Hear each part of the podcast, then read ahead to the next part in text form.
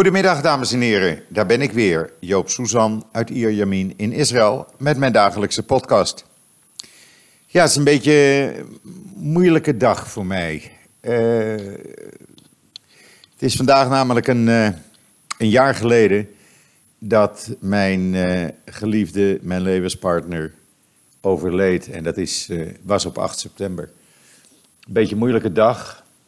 Ik ben met de zoons naar het graf geweest. En we hebben haar uh, muziek gespeeld daar. De muziek die, uh, die zij speelde. Chopin. En uh, ja, dat was, waren moeilijke momenten. En het is moeilijk om te begrijpen dat een jaar zo snel omgaat. Dat een jaar, als je erop terugkijkt, lijkt het gisteren gebeurd te zijn. In plaats van een jaar geleden. En dat realiseer ik mij en iedereen trouwens, dat een jaar eigenlijk niets is. En dat je gewoon, ja, gewoon moet, moet profiteren van elke dag die je hebt. En daar het mooiste van uh, moet proberen te maken. En dat doen wij ook als, uh, als familie zijnde. En we zijn in dat jaar ook hechter geworden. We zijn naar elkaar toegegroeid. En dat is heel mooi. En dat is heel veel liefde en heel veel warmte. En ja, dat betekent heel veel voor mij natuurlijk. Aan de andere kant, ja, eh, het werk gaat ook door en ik moet ook zorgen dat ik eh, aan de gang blijf. En vandaar dat uh, ja, ik gewoon toch vanmorgen om half acht ben begonnen om zoveel mogelijk artikelen op joods.nl te zetten. En ook deze podcast opneem, omdat ik vind dat ja, ik moet dat gewoon doen.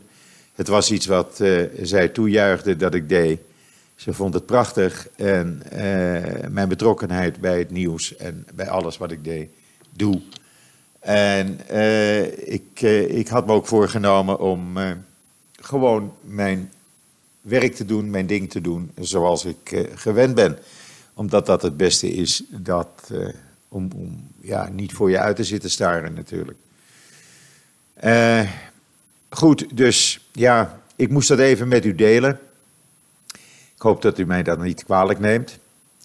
Voordat ik uh, ga beginnen met uh, de eigenlijke podcast. En ja, die beginnen we zoals altijd. Nee, laat ik eerst zeggen, hoe was het weekend? Dat wil u natuurlijk altijd weten. Ik krijg die vraag vaak. Vraag vaak, sorry. ja, vrijdagavond bij een van de kinderen gegeten. Die hadden ook vrienden uitgenodigd. Dus dat was een, eh, een hele, ja, hele leuke avond, gezellige avond. En gisteren, eh, ja, ik was gewoon back af. Dus ik heb heel veel geslapen, ik heb niks gedaan. Lui geweest, filmpjes gekeken op uh, YouTube over onderwerpen die mij interesseren. En voordat je het weet is dan de Shabbat alweer voorbij. En als ik dan ja, af en toe in de straat keek en ik zie hoeveel mensen er gewoon thuis blijven en, en niets doen. Je kan dat zien doordat alle auto's uh, er staan op de parkeervakken. En weinig mensen ook in de straat. Dus ja, het is weer. Ja, het zomerseizoen, het vakantieseizoen is voorbij. Dus mensen blijven weer uh, thuis om bij te komen van elke hectische week die je toch in Israël hebt. Want in Israël is het toch zo dat ja, je hebt never a dull moment en er gebeurt zoveel, elke dag weer, dat je hoeft je niet te vervelen wat dat betreft. En er is altijd wel wat en er zijn altijd wel mensen die je komen bezoeken en er zijn altijd wel mensen die vragen van kom eens even langs. Want hier worden geen afspraken gemaakt maanden van tevoren zoals uh, ik vroeger in Nederland meemaakte.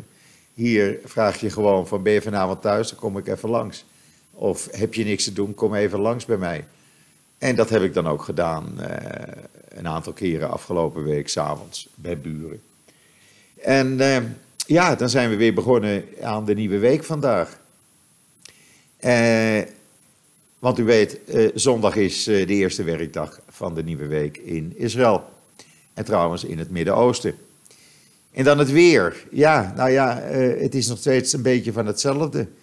Het is 34 graden, blauwe lucht, wat, wat kleine wolkjes, een briesje en het is nog gewoon heet buiten. Wat dat betreft staat de airco nog steeds uh, aan op 25 graden. Maar dat is genoeg. Daar blijft het lekker koel bij in huis. En dan op joods.nl. Daar uh, zijn we begonnen gisteravond na Shabbat met het artikel over het heftige weekend wat Israël toch weer had. En dat gebeurde op vrijdagmiddag toen zo'n 6200 door uh, Hamas betaalde relschoppers, want het zijn geen demonstranten, het zijn relschoppers. In het kader van de March of Return naar de grens van Israël kwamen en daar weer met explosieven en uh, molotov cocktails en van alles en nog wat begonnen te gooien naar soldaten. Daarbij, uh, ja, het was een zeer geweldig, gewelddadig uh, rellen deze keer, zei de IDF. Vooral ook het aantal explosieven en handgranaten en vuurbommen, dus molotov cocktails, was groter dan normaal. En er werd ook een poging gedaan om de grensbarrière neer te halen, te beschadigen. Er zijn ook twee Palestijnen uit Gaza, Israël, proberen binnen te komen. Die zijn meteen gearresteerd.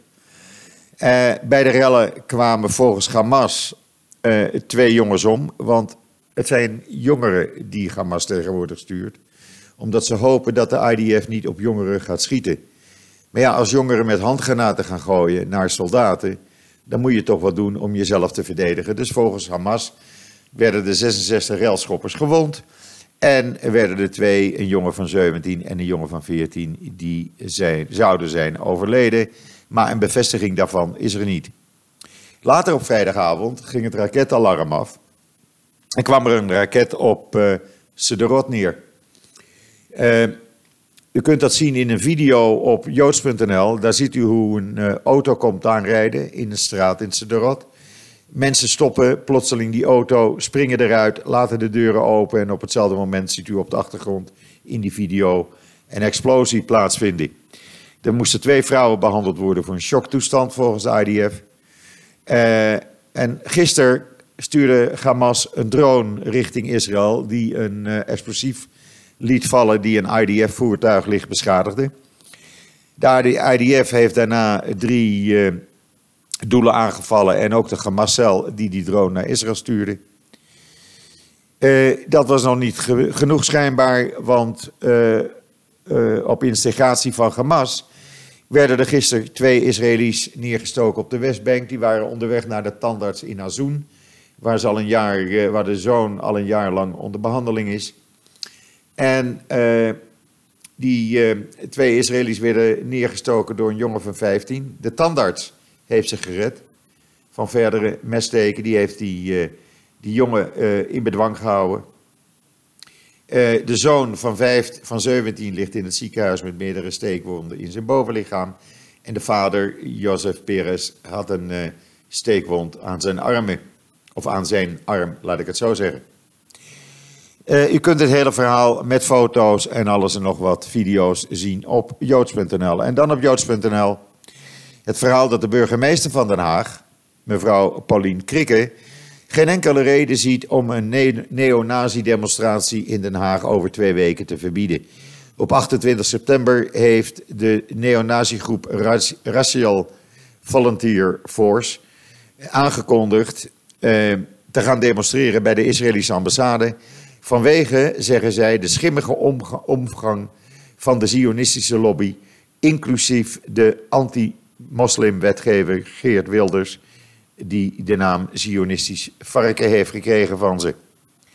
En mevrouw Krikke vindt uh, dat dat uh, geen reden is om deze neonazis, die Adolf, Hitler als hun leider zien, uh, om die demonstratie te verbieden, want het valt onder het recht van vrije meningsuiting.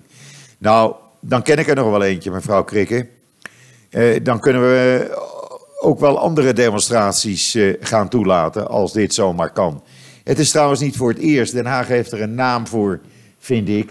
Want ook onder meneer Van Aartsen, haar voorganger, mochten anti-Israël en anti-Joodse demonstraties gewoon plaatsvinden in Den Haag. Um, en dan op joods.nl uh, het verhaal dat Free Palestine werd gespoten op de, op de deur van de grootste synagoge van Barcelona. En dat blijkt afgelopen woensdag te zijn geweest. Ook daar het antisemitisme in uh, optima forma dus. Het leidde uh, het nieuws over die, over die uh, aanslag, ja, zo mag je het wel noemen. Die leidde tot veel ophef online in, in Spanje. als je een synagoge verwart met de staat Israël, weerspiegelt dat een racistische mentaliteit, schreef Jome Padros uh, op Twitter. En die, hij is president van het officiële college van artsen van Barcelona. En dan, als u een goed betaalde baan zoekt, kijk even op joods.nl.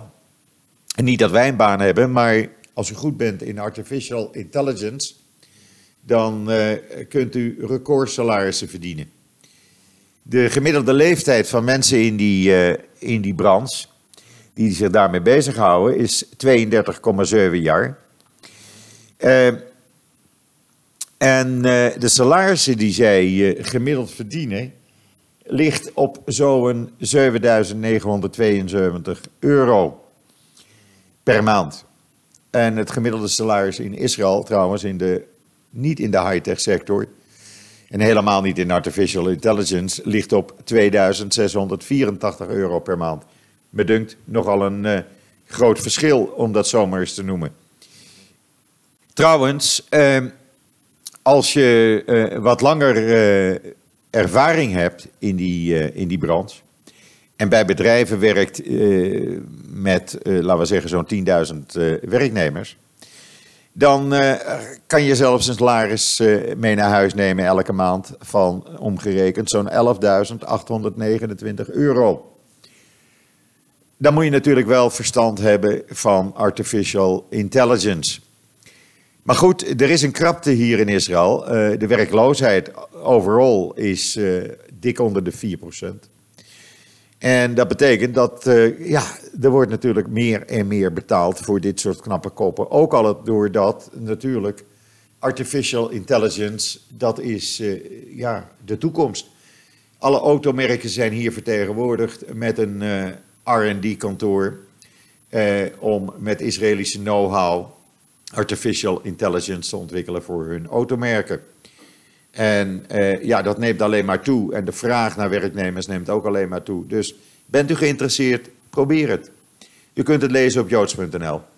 En dan, vrijdagavond, is uh, Netflix begonnen met de miniserie in zes delen over Eli Cohen, Israëls spion in de jaren 60 in Syrië. Uh, het ware verhaal van Eli Cohen hebben we op joods.nl gezet. Hij werd geboren in 1924 in Alexandrië, in een Joods gezin in Egypte. En zoals veel Joden van in Arabische landen, na de oprichting van eh, de staat Israël in 1948 verliet, ze, verliet zijn familie Egypte. Alhoewel hij thuis bleef om zijn uh, opleiding in elektronica af te ronden. En daarna ging hij ook naar Israël. En dat allemaal vanwege het groeiend antisemitisme natuurlijk, na oprichting van de staat Israël. Uh, hij uh, is een paar keer gearresteerd geweest in Egypte omdat hij deelnam aan, uh, volgens hem, volgens de Egyptische politie in die tijd, sionistische activiteiten. En men dacht dat hij een spion was van de Mossad. Nou, dat kwam dan later pas. En toen werd hij gevraagd door de Mossad om zich aan te sluiten in 1960 voor een speciale missie waarbij hij zich voor moest doen als Syrisch zakenman die terugkeerde naar Syrië vanuit Argentinië. Dat was zijn cover, dat heeft hij ook gedaan. Hij is eh, vanuit Israël naar Argentinië gegaan, heeft zich daar binnen de Syrische gemeenschap erg geliefd gemaakt en ging na een tijdje terug naar Syrië. En in Syrië wist hij door te dringen tot in de hoogste kringen van uh, de, de politiek. Uh, ook in de kringen rond uh, de vader van de huidige president Assad. Zijn vader uh, was zijn voorganger en was jarenlang president van Syrië. Want die familie die, die is de baas over Syrië sinds de jaren zestig. En hij, ja, hij, hij wist dus alle informatie. Hij voerde de mensen dronken op feestjes en partijen. terwijl hij zelf nuchter bleef en zich dronken voordeed. En kreeg op die manier allerlei informatie los. Hij werd uitgenodigd om naar het front te gaan. Eén leuke anekdote is dat hij, toen hij op de Golan was aan de Syrische zijde met hoge legerleiders, dat hij ze adviseerde: Weet je wat, plant daar bomen neer. Dat is goed voor de soldaten. Dan hebben ze wat schaduw waar ze wat verkoeling kunnen krijgen. De Syriërs namen dat advies aan, deden dat. En Israël had dus een makkelijk doel in 1967, toen de oorlog uitbrak. Wisten ze precies waar de soldaten zaten, onder de bomen natuurlijk. Maar hij heeft nog veel meer uh, informatie aan Israël doorgegeven, waardoor, ja, zoals men hier in Israël zegt, de oorlog van 67 gewonnen werd. En dat allemaal aan te danken aan Eli Cohen, die uh, ja, op een gegeven ogenblik verloor hij zijn cover. Men werd achterdochtig. Er kwamen nieuwe mensen aan het bewind. Uh, die gingen hem natrekken. Ze vonden ze radiosignalen. Hij werd opgepakt en publiekelijk opgehangen. Het hele verhaal kunt u lezen op joods.nl met foto's en video. En dan is er een, uh, eindelijk een, uh, een mysterie onthuld. Uh, een nieuwe studie die jarenlang duurde over een van de Dode Zeerollen, namelijk de Temple Scroll. U weet, in de jaren zestig zijn de Dode Zeerollen bij uh, een van de grotten, de Qumran-grotten uh, bij de Dode Zee gevonden. En een van die rollen, de Temple Scroll, die bleek in een uitstekende conditie te zijn. En men vroeg zich af hoe dat kan, hoe dat kwam. En een nieuwe studie heeft nu uh, duidelijk gemaakt, en die is gepubliceerd in Science Advances, dat die tempelscroll is gemaakt met behulp van een voorheen onbekende oude mix van technieken en vreemde mineralen, die uh, nu weer de vraag oproept over de herkomst ervan, want dat zou aanwijzingen geven dat uh, die materialen heel ergens anders vandaan kwamen. En hoe kon dat in die tijd? maar in ieder geval, deze is Tempelscroll. Die had een toegevoegde laag anargonisch, anar, anorganisch materiaal, laat ik het nou goed uitspreken. Uh, waarmee het, waarmee het proces om, zeg maar, de, tempel, de, de, de rollen te maken, werd voltooid. Het was dus niet alleen maar dierenhuiden die van haar werden ontdaan en uitgedund en gedroogd. Maar hier werd dus nog een extra laag aan toegevoegd. En deze tempelscroll is 8 meter lang en slechts 1 eh, tiende van een millimeter dik. En wordt beschouwd als de langste en meest goed bewaarde gebleven rollen eh, van alle gevonden rollen die eh, daar uh, toen de tijd door schaapherders, Bedouinen gevonden werden. Het is een heel lang verhaal. Het staat op joods.nl. Daar kunt u het uh, allemaal uh, nalezen met foto's en alles erbij.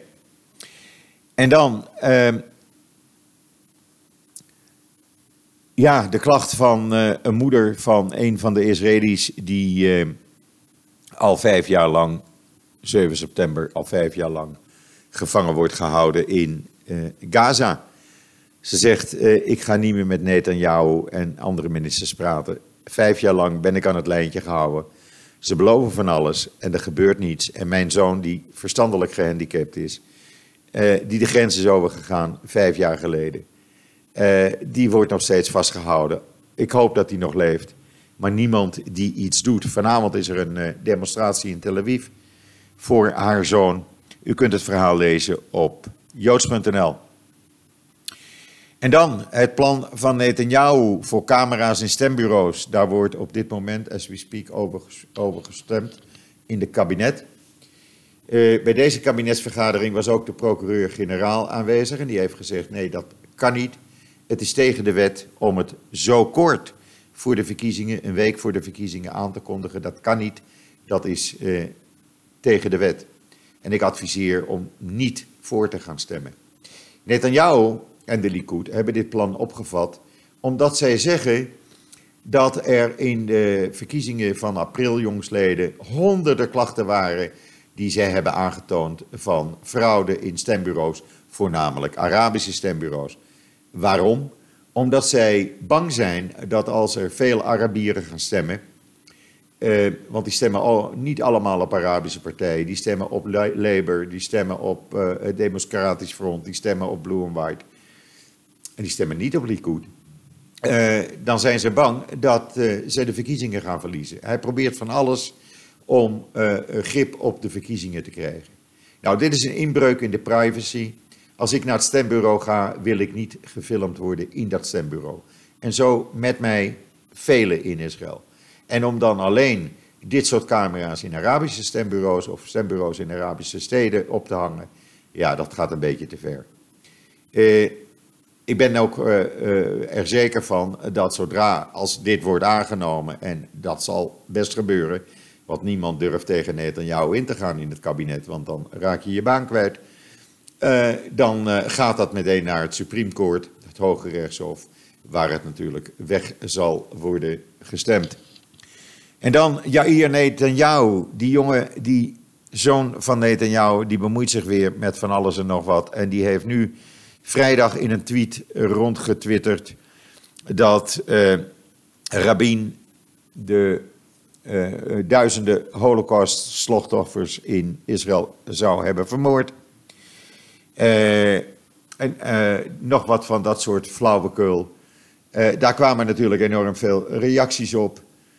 Niet alleen vanuit Labour, die trouwens een de bijeenkomst gisteravond had bij het graf, of bij het herdenkingsmonument van Rabin in uh, het centrum van Tel Aviv bij het gemeentehuis, waar hij vermoord is. Maar ook van andere politieke leiders kwamen daar natuurlijk reacties op. en men vindt hem zelfs gevaarlijker, zeggen sommigen, dan de moordenaar van Rabin. Want dit is precies het soort taal wat werd geroepen kort voordat Rabin werd vermoord. En deze jonge man van 27, die moet nou eens een keer een baan gaan zoeken en zich niet met zijn vaders politiek bemoeien. Netanyahu heeft trouwens meteen een tweet doen uitgaan en op Facebook geschreven dat hij het niet met zijn zoon eens is, maar hij biedt geen excuses aan voor de uitspraken van zijn zoon. Wat toch weer te denken geeft. En dan die ultrarechtse vrienden van Otsma Yehudit van Netanyahu. Die zijn een advertentiecampagne begonnen in het Arabisch, waarmee ze dreigen dat Arabieren eh, Israël worden uitgegooid en absoluut niet in de Knesset zitting kunnen nemen, zodra ze meedoen aan de verkiezingen.